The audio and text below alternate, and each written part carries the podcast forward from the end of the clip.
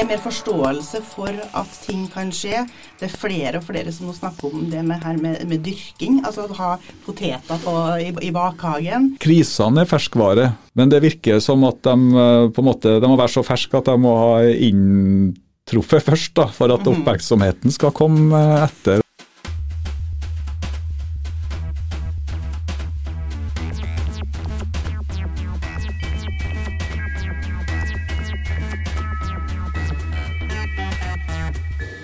Du hører på en episode av Forskerpodden, hvor vi skal se bitte litt bakover, men likevel mest fremover. Og hvor vi attpåtil har fylt opp studio med hele tre gjester. Vi har som mange ganger før med oss forsker på samfunnssikkerhet og professor Stian Antonsen. Vi skal også bli kjent med Marita Hoel Fossen, som er daglig leder i Trondheim Røde Kors, og Dag Otto Skar, som er fylkesberedskapssjef i Statsforvalteren i Trøndelag. Alle tre er involvert i de regionale sikkerhetsdagene som arrangeres 16. og 17. november i Trondheim, som vi skal snakke mer om i dagens episode. Forskerpodden er NTNU Samfunnsforsknings egen podkast og spilles inn i studio på Dragvoll i Trondheim. Programleder er som vanlig Vegard Y. Smevold. Velkommen til sesongpremiere. Du er her igjen, Stian, og vi må begynne med å gå litt tilbake til siste episode før uh, sommeren. Vi uh, snakka litt om de frivilliges uh, vanvittige innsats under uh, 22.07-terroren, og avslutta sendinga vår om å be om godt vær, og ikke minst en rolig sommer. Mm.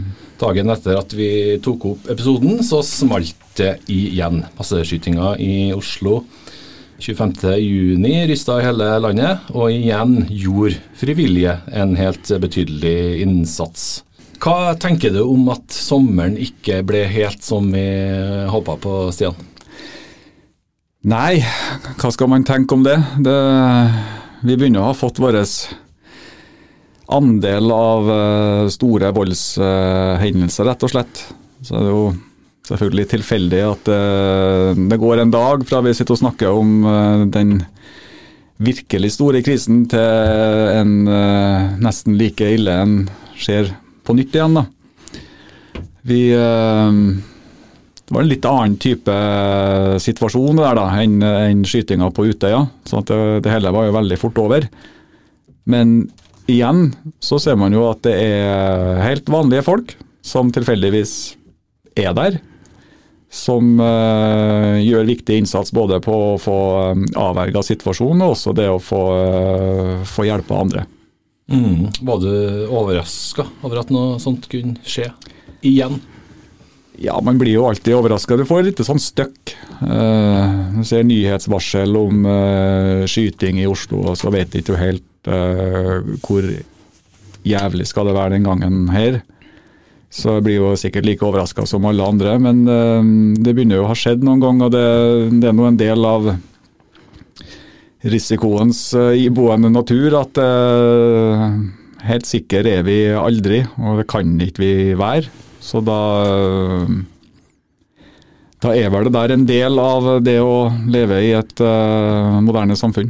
Mm. Hvorfor er denne hendelsen spesielt interessant for uh, NTNU samfunnsforskning og vår satsing på samfunnssikkerhet? Um, I den satsinga som du nevner, um, Senter for forskning på trygghet og sikkerhet i samfunnet, så um, er vi bl.a. opptatt av å kalle det utforske uh, grenselandet mellom forskjellige fagområder. Hvis vi ser på skytinga i Oslo med eller flere av de andre episodene for den del, hvis vi ser på det med eh, beredskapsbriller, for å kalle det så vil vi jo se på ting som ligger veldig nært hendelsen. Vi vil se på politiet sin respons, vi vil se på eh, andre kan kalle det myndighetsetater eh, i tida gjerne rett før hendelsen. Men hvis du zoomer litt ut der, da, så ser du gjerne en, uh, det som kanskje er noen fellestrekk ved den typen gjerningspersoner, at historien blir fort ganske lang. Og historien begynner å eh, trekke inn elementer av psykiatri, det begynner å trekke inn elementer av rus. Eh, noen ganger er det radikalisering, noen ganger kan det være kombinasjoner mellom det. Så i den sammenheng så er denne hendelsen et eksempel på at vi eh, forhåpentligvis er i ferd med å gjøre noe riktig da, med opprettelsen av det nye senteret. At det, det, ligger noen faglige spørsmål her som kanskje ikke er samfunnssikkerhet i snever forstand, men som betyr veldig, veldig mye for den langsiktige utviklinga av et trygt og sikkert samfunn. Mm. Vi skal straks slippe til Marita og Dag Otto også her, også, men eh, hvor langt er dere på vei da, med denne eh, studien? Nei, Senteret har jo eh, eksistert eh, i eh, et knapt år. da. Vi oppretta det 1.1.2022. Men vi har allerede vunnet felles prosjekter som vi egentlig er basert på spørsmål som vi ikke ville ha stilt alene. Vi har ansatt en stipendiat som skal virkelig få boltre seg i det faglige mellomrommet her. Så jeg tror vi er godt i gang. Mm, det føles jo både litt sånn eh, trist uh, at den timinga for det her senteret er så god, og så er det jo bra for oss da, at vi uh, virkelig markerer oss og får noe å holde på med fremover.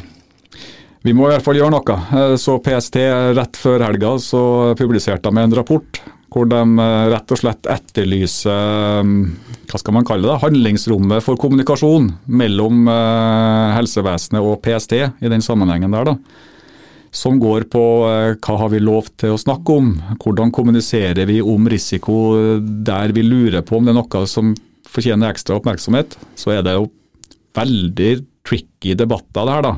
Det ligger midt i skjæringspunktet mellom eh, enkeltpersoner sitt behov og sin rett til hjelp, og spørsmålet om samfunnsbeskyttelse. Så det er vanvittig vanskelig, og etisk skal man virkelig holde tunga rett i munnen, for eh, sikkerhets- og risikospråket det kan være nær sagt stigmatiserende. Eh, men fortsatt så det her blir ikke noe bedre hvis vi ikke tør å snakke om det. Det er iallfall helt sikkert.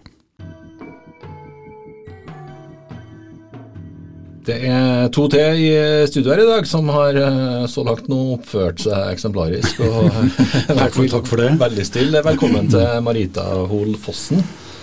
Takk, takk. Og velkommen til Dag Otto Skar. Takk for det. Vi skal straks slippe dere ordentlig til på banen her, men Stian, jeg spør deg igjen. Hvorfor er det relevant å ha med seg de her to i Forskerpodden-studio i dag? Nei, det her er en bra dag for meg, ja. Nei, det, her føler jeg vi sitter med, med to uh, nøkkelroller i uh, beredskapen, særlig regionalt. Uh, Dag Otto som sitter fylkes... Nei, svarte, sitter statsforvalteren. Det her er jo en, det her er jo en blemme, da. Ja, nei, Det er bare to år siden vi skifta navn, så Ja, men jeg trodde jeg skulle klare å unngå. Jeg klarte det, sier jeg. La merke til det. Ja, jeg så det. Jeg har hørt det. Jeg bommer på den sjøl, jeg. Ja. Nei, jeg tenker jo at eh, Statsforvalteren sitter i en, eh, litt sånn i en origo, både mellom eh, forvaltningsnivåene og også mellom sektorer. Og er sånn sett en litt sånn edderkoppaktør. Mens Marita, som kommer fra, fra Røde Kors, fra frivilligheten, er jo den allestedsnærværende, fleksible ressursen som, som trår til når det virkelig er behov for hender, hoder, føtter og utstyr. Mm. Vi begynner med deg, Marita. Du ja. er daglig leder i Trondheim Røde Kors. Mm. Hva slags rolle spiller Røde Kors når eh, det smeller? Vi er jo en støtteaktør for eh, myndighetene både i fredstid og i krigstid. Um, og med våre frivillige så kan vi være en ekstra ressurs for, for det offentlige og bidra der det er behov når en hendelse oppstår. Hva er din viktigste oppgave, da? Min viktigste oppgave er å legge til rette for at frivillige har den kompetansen de trenger, eh, de ressursene de har behov for, og ikke minst at de frivillige får den informasjonen og kunnskapen de skal ha. Mm. Og så er det også en en bindeledd mellom eh, dem vi server, altså publikum, eh, kommune, eh, helse, alt etter hvilken, eh, hvilken eh, hendelse vi står i. Mm. Hva, hvordan er tilfanget da, av frivillige i organisasjonen deres? Det er nå jeg Har dere nok folk? Ja, det er nå jeg skulle sagt at vi har mer enn nok folk, vi. Men Ja. eh, selvfølgelig, som alle frivillige organisasjoner, vi trenger stadig nye, og vi har behov for flere mennesker alltid. Så det å ha, ha folk inn som er med i aktiviteter, og i tillegg si at ja, hvis det skjer noe eh, eksepsjonelt, så stiller vi opp, vi bidrar. Det er alle organisasjoner, tror jeg, avhengig av. Hva tenker du om det Stian sier i innledninga her, da, om de frivilliges betydning under store kriser? Der er vi veldig enige, og jeg tenker det at også våre frivillige fra, fra Røde Kors er jo det som kalles vanlige mennesker. Forskjellen på en frivillig fra Røde Kors og en, en som blir frivillig som står i gata, er at våre folk har litt ekstra opplæring, og dermed kan føle seg enda tryggere i rollen. Og det er noe som jeg tenker er, er mer og mer viktig for, eh, for også for publikum å tenke gjennom hvis det skjer noen ting. Har jeg, har jeg noe ekstra å bidra med? Har jeg plaster i veska? Har jeg et par engangshansker? Har jeg tid til å høre på noen som trenger det? det? Plutselig så står vi oppe i et eller annet. Det kan være noen som ramler på torvet. Det kan være så enkelt som det. Mm. Er folk som er frivillige i Røde Kors ekstra flinke til å ha sånt i bakhodet, også når de er ut for seg sjøl, holdt jeg på å si? Jeg har i hvert fall veldig godt inntrykk av det. Og selvfølgelig så, så har, tilbyr vi jo de, ku- både førstehjelpskurs og kurs i psykososial førstehjelp, som gjør at man har en liten ekstra pakke med seg når man, når man drar ut, også mentalt.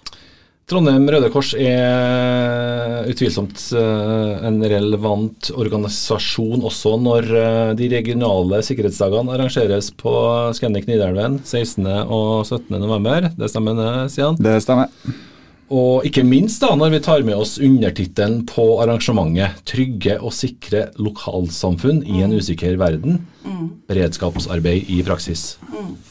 Vi skal straks slippe til deg også, Dag Otto, men jeg spør deg først, Marita. Hva slags eh, fersk erfaring har Trondheim Røde Kors med kriser og hendelser som rammer et eh, lokalsamfunn? Noe av det ferskeste er jo eh, de, de flyktningene som nå kommer fra Ukraina, f.eks. Vi har også eh, mange som nå tar kontakt med oss pga. at de står i økonomisk krise, pga. at verden rundt dem er annerledes. Priser går opp. Så det med mattilgang eh, er noe vi bidrar med. Eh, og så ser vi også det at uro i verden det skaper mye eh, stress, det skaper mye eh, utrygghet hos folk. Så vi står ganske godt eh, i en, en krise nå som favner ganske bredt, hvis man kan bruke det begrepet. Det er, det er alt ifra at vi er med og tar imot nye, nye mennesker som skal bo i byen vår, til at vi trygger mennesker som kanskje har bodd der i hele sitt liv, men nå opplever at de har ikke lenger økonomi til å handle mat. Mm, det er jo godt å høre. Dag Otto Skar, du er fylkesberedskapssjef hos Statsforvalteren i Trøndelag. Det stemmer. Tidligere fylkesmann. Ja. Ja. Hva er det du driver på med på jobb? Ja, det er ganske altoppslukende, på en måte. Det er, også Statsforvalteren er jo, er jo den eh, regionale koordinerende etaten for eh, når, når større eh, kriser inn- inntreffer. Vi har, ikke, vi har ikke noe sånn kommandomyndighet over noen andre enn oss sjøl, men det er jo vi som eh, i henhold til instruksen skal, skal samordne de store hendelsene som krever at ressursene finner hverandre. Og eh, Det er jo eh, en av de tingene som vi som, som, som, mer sånn operativ art. Men til daglig så jobber vi med forebyggende samfunnssikkerhet og beredskap. Og Det omfatter at eh, vi har bl.a. et tilsynsansvar for at kommunene har beredskapsplaner, og at de har, mm. har gjennomfører risiko- og sårbarhetsanalyser som eh, favner på en måte det som kan skje i den enkelte kommune. Mm. Og det, det er et arbeid som vi, vi fører tilsyn, men vi har også ansvar for å drive med veiledning og rådgivning og, og, og, og arrangere øvelser kan du si, i kommunene. Ja, riktig. Eh, eh, jeg har lest på nettsidene til Statsforvalteren, og jeg sier at ditt navn står øverst. da, Så står det at eh, når samfunnet blir rammet av en stor hendelse eller krise, må vi ha en plan for hvordan denne situasjonen skal håndteres. Har Statsforvalteren den planen, eh, Dag og Vi har en eh, generisk plan som eh, på en måte eh, gjør det at statsforvalteren er i stand til å håndtere og sørge for at de ulike etatene som er involvert, blir, blir hørt, og, og at vi, vi, får på plass et felles situasjonsbilde av det som skjer i fylket vårt. Om det er da, vi kan jo si at De siste, siste par årene så er det vel pandemien som har vært mest i, i fokus. Eh, og så får vi den Ukraina-situasjonen som gjør at vi også må, må, må, kunne håndtere det. Og vi er jo bindeleddet mellom eh, sentrale myndigheter og, eh, og, kommunene, og de som er berørt da, i de ulike hendelsene. Mm. På det som Marita snakka om her i forhold til Ukraina og flyktninger og sånn, så, så er, det jo, er, det jo, vi som, som er kontaktpunktet ut mot kommunene for å, for å bl.a. innhente opplysninger. Hvor mange hvor mange man kan ta imot og, og den type ting. Og det, det, har vi også gjort uh, i pandemien. Uh, viderefordeling av, av smittevernutstyr som fylkeslegen har ansvaret for, og rapportering kan du si fra, fra kommunene og opp til uh, regjeringa, egentlig. Mm. Du nevnte så vidt øving. Hvor ofte øver, øver dere på Krisehendelser? Ja, vi, altså Kommunene skal øve eh, minst annethvert år etter eh, forskriften sin. Mm. Og Det kan være forskjellige øvelser. Det kan være eh, fullskalaøvelser, som vi, vi, kaller det, som politiet eh, initierer. Eh, og har eh, gjerne da typisk eh, kan vi si, eh, skolebuss ut av vei og den type hendelser, hvor, hvor også kommunen har en sentral rolle for, for, sin del av hendelsen. Og så er selvfølgelig de frivillige og, og, politiet ansvarlig for den akutte innsatsen som, eh, som, som skal skje på skadestedet. Mm. Da er også Røde Kors på plass og øver? Ja, og det, de, de, er med på de øvelsene der. og jeg må jo si at uh, Hele den norske redningstjenesten er jo basert på frivillighet. Eh, politiet er jo selvfølgelig sentral, men det er jo første rekke de frivillige eh, etatene som vi, som vi har. Eh, om det er da ja, Redningsselskapet, eller om det er Røde Kors og, og det, det, er redningshundene og, og, og, Norsk Folkehjelp og sånn, som, som, på en måte gjør det at politiet klarer å løse oppgaven sin i samarbeid med den aktuelle kommunen. Mm. Du sa at dette var en uh, stor dag for deg, Stian. Uh, du sitter her som en forsker på sida her. Uh, sitter med et stort smil. Ja. Du må benytte sjansen nå. Jeg satt og tenkte på et, et, intervju som jeg holdt for mange herrens år siden med en representant for en liten kommune. hvor spørsmålet om Fortell oss om statsforvalteren, da fylkesmannens rolle. da og hvor vedkommende sa at jeg står opp hver dag og takker Gud for at Gud skapte fylkesmannen. og det, det, det, tror jeg peker på en sånn her Du nevnte den veiledningsrollen eh, da, Gotto. Ja. Eh, det er noen der. Det, er, det, å jobbe med beredskap kan ofte være en litt sånn sær og ensom uh, greie. Og det å både ha litt, litt faglig støtte, men at det er noen som faktisk bryr seg om det du holder på med Eh, det skal ikke man undervurdere. og Da blir jeg litt sånn eh, Jeg blir litt opptatt av alt, alt det arbeidet man gjør uten at det er krise. Alle de strukturene man trenger i krisen har man jo forsøkt å etablere på forhånd. Og Det tror jeg er mye mer enn en beredskapsplaner og avtaler. Jeg tror også det er en slags relasjonell greie her. da. Og mm, Nå kjenner jeg kanskje Trøndelagsregionen best, da, men jeg opplever i hvert fall at her, er det et, um, her har man investert veldig godt i det. Som jeg tror egentlig gjelder både, både frivilligheten og statsforvalteren og kommunene sjøl. At det, det, er en ganske det er en ganske bra kultur både for deling og samarbeid og, og nær sagt sam, samkvem her. Mm. Jeg vet ikke om dere andre kjenner dere igjen i det? Jo, absolutt. Jeg mm. opplever at det er veldig godt sam samspill på tvers på kommunegrenser, og også nå etter hvert de gamle fylkesgrensene, eh, som jeg tror er viktig for oss. Fordi vi har, vi har eh, veldig like oppgaver, selv om vi kan tilhøre ulike organisasjoner eller eh, enheter i, i, samfunnet. Og hvis vi da kjenner til hverandre, så er det så mye lettere å få til å få god eh, løsning på problemene når de oppstår. Mm. Ja, det, det, er et veldig godt klima for samarbeid i, i, fylket her, og det gjelder både på regionalt og på, på lokalt nivå. Og det, det, det er ganske ålreit å se egentlig hvor godt man håndterer ting når, når det skjer noe. Det siste jeg tenker på nå, det er jo egentlig det som skjedde i Valsøyfjorden, med den, det raset og, og, den innsatsen som, som, som ble gjort der, av ikke minst frivillige. Og så, så, er det litt flaks at den redningshunden var i nærheten, og, mm. og at, at, ressursene på en måte er, er og, det, og, Noen ganger så går det, er de der, og noen ganger så må det jobbes litt mer for å få folk eh, på plass og få håndtert det som skjer. Men, eh, men jeg, jeg, tror at den jobben som vi har gjort de siste 10-20 årene på, i forhold til å ansvarliggjøre kommunene våre da, med, med, med roller og ansvar, Eh, har eh, båret frukt da, i forhold til, til det. Og jeg, jeg, bruker å si det at, eh, at det, det, er nesten ikke en eneste hendelse som, som, som, ikke kommunene håndterer på en god måte, sammen mm. med da selvfølgelig dem som er med i innsatsen.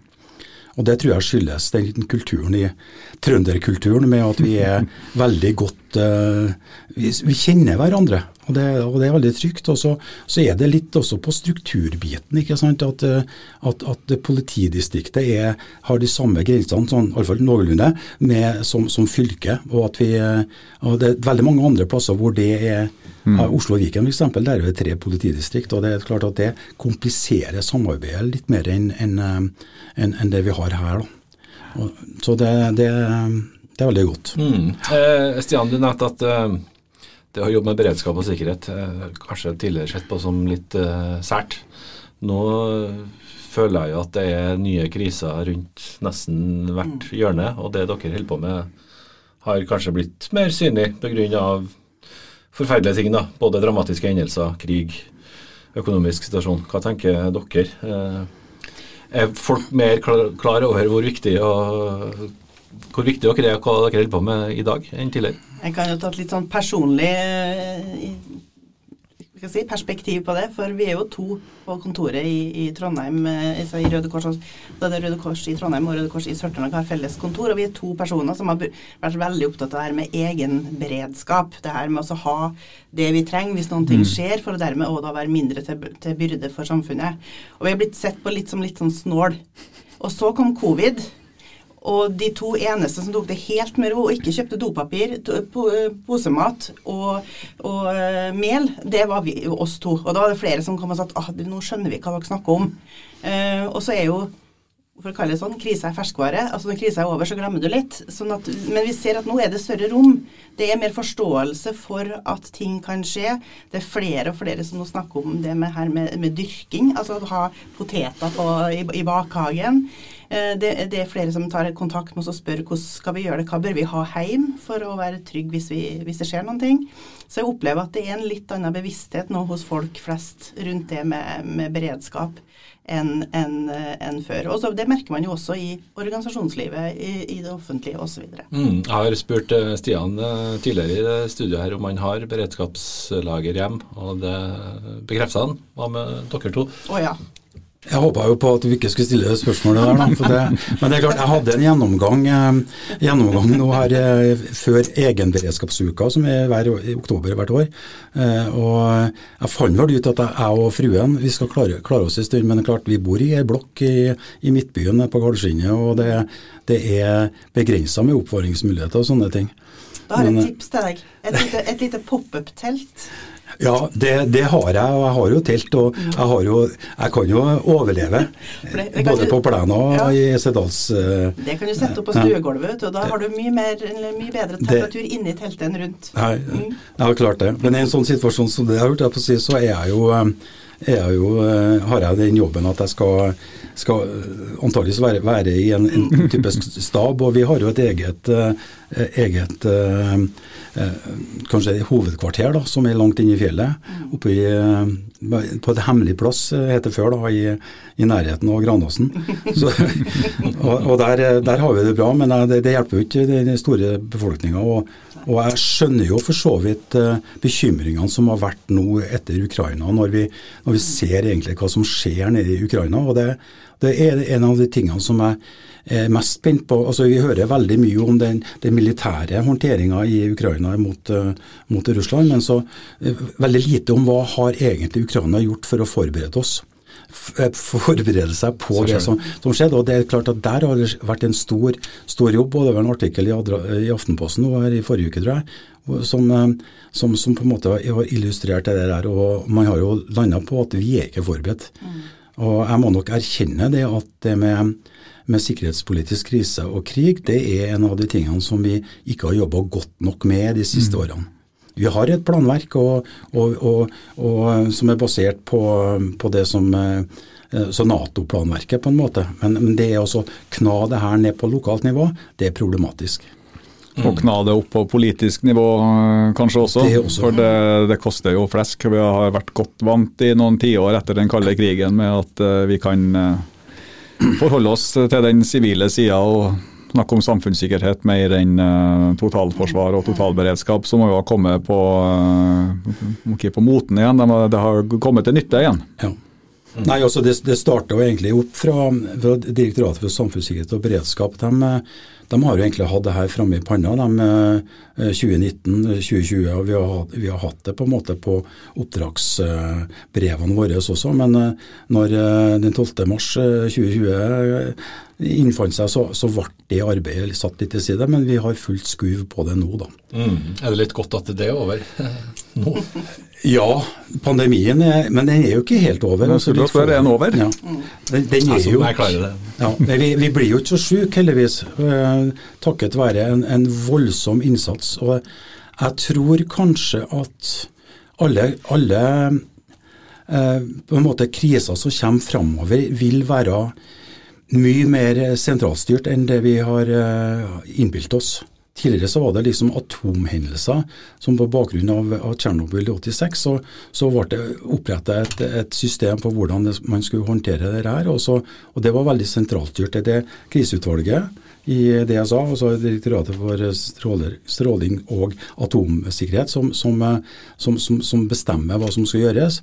Men vi har jo også sett gjennom pandemien nå at det var, har vært veldig mye Eh, ja, rett og slett eh, pressemeldingene, eller pressekonferansene til, eh, til, politikerne som har på en måte gitt oss inngangsverdier på hva vi skulle gjøre, og litt for sent. Så vi må være, og jeg, jeg tror det at, at, den erkjennelsen må vi ta, ta, vare på, og vi må bare erkjenne at vi er nødt til å tilpasse planverket vårt også opp imot det. Mm. Men det er klart, det avhenger av at vi har strøm, og det avhenger av at Ekom fungerer. Og Det er min største bekymring, at, eh, at det der ikke skal fungere.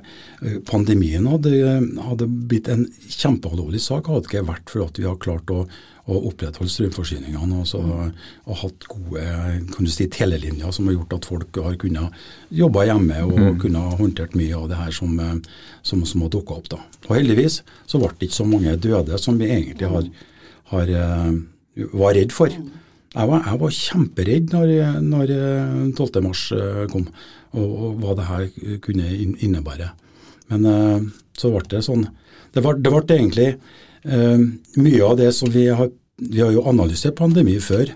Og, og, og, en av de tingene som, skulle, eh, som var anbefalt i en tidligere pandemirisiko- og sårbarhetsanalyse, var bl.a. at vi måtte ha et lager av smittevernutstyr. Mm. Det hadde vi ikke.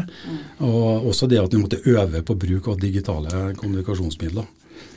Og jeg tror jo det at, uh, det som har skjedd gjennom pandemi, pandemien, har jo kanskje vi har hatt, På to år har vi fått ti års utvikling på, på, på bruk av digitale hjelpemidler. Mm. Ikke sant. Ja. Eh, vi har jo snakka mye om det siden at eh, pandemi har stått øverst på lista over mulige mulige trusler. Ja, og eh, kanskje enda lenger enn det vi snakka om sist. Jeg satt og nerda på søndagen og leste eh, Det her er jo nesten så jeg ikke kan si offentlig, da. Men da satt jeg og leste sårbarhetsmeldinga fra Willoch-utvalget fra 2000. Mm. Det, der har du innblikk i et sykt eh, sinn, Vegard. Men um, jeg ble veldig overraska over For det hadde jeg glemt. Um, gode, gamle Willoch-utvalget. Mm. De har jo et langt, langt avsnitt om epidemi og pandemi. Mm. og Hvor de bl.a. peker på spørsmål om skal tro om kommunene egentlig er klar for det. Skal tro om de kommunene som ikke klarer å rekruttere kommuneleger. Om dem vil være klar til å uh, takle en pandemi. Og Det er jo da uh, eh, 20 år før, i den veldig profilerte sårbarhetsmeldinga mm. som egentlig var litt sånn gjennombruddet for ordet samfunnssikkerhet, hvis det går an å si det. da.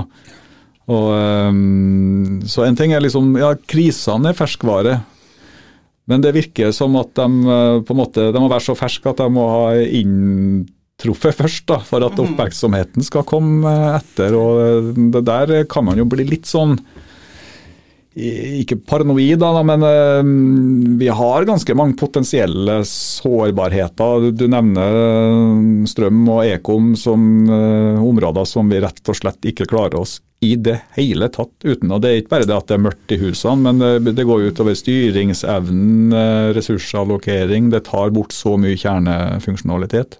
Så um, vi vi blir nok ikke ferdig med å snakke om uh, risiko og sårbarhet uh, i denne episoden her, tror jeg. Nei, ikke sant. Uh, nå vet jeg jo da, Stian, at Leeds-kampen ble avlyst på søndag. så... Ja, det var forferdelig. Det, var tid. Det, det har vært noen dårlige år, og når i tillegg Leeds-kampene ble avlyst, så da går jeg i kjelleren. Pga. En, en helt annen hendelse i Storbritannia den siste ja, to ukene.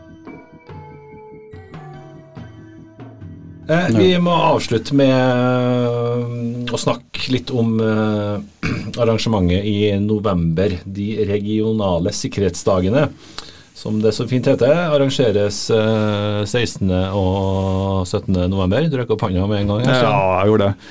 Jeg satt og tenkte på, mens, mens Dagotto snakka om denne samarbeidsklimaet, ja, og Marita, samarbeidsklimaet i Trøndelag. Av og til så kjenner jeg ikke meg helt igjen i den der eh, beskrivelsen av ressurser som ikke finner hverandre. For jeg tror det spørs litt hvor du leter, hvilke bokser du åpner. Så vet vi, altså Uttrykket stammer jo fra uh, ble brukt som en beskrivelse på politiaksjonen uh, mot Utøya i 2011. Ja. Og um, jeg kjøper jo den der at det er du finner mange eksempler på uh, vanskelige situasjoner hvor, hvor, misforståelser og den slags oppstår i krisa. og Jeg skjønner definitivt at departementene har eh, utfordringer med å samordne seg, seg imellom. Men på regionalt og kommunalt nivå så er jeg ikke helt sikker på at eh, den der merkelappen holder. For der syns jeg kanskje at vi ser like mye ressurser som finner hverandre, enn som ikke finner hverandre.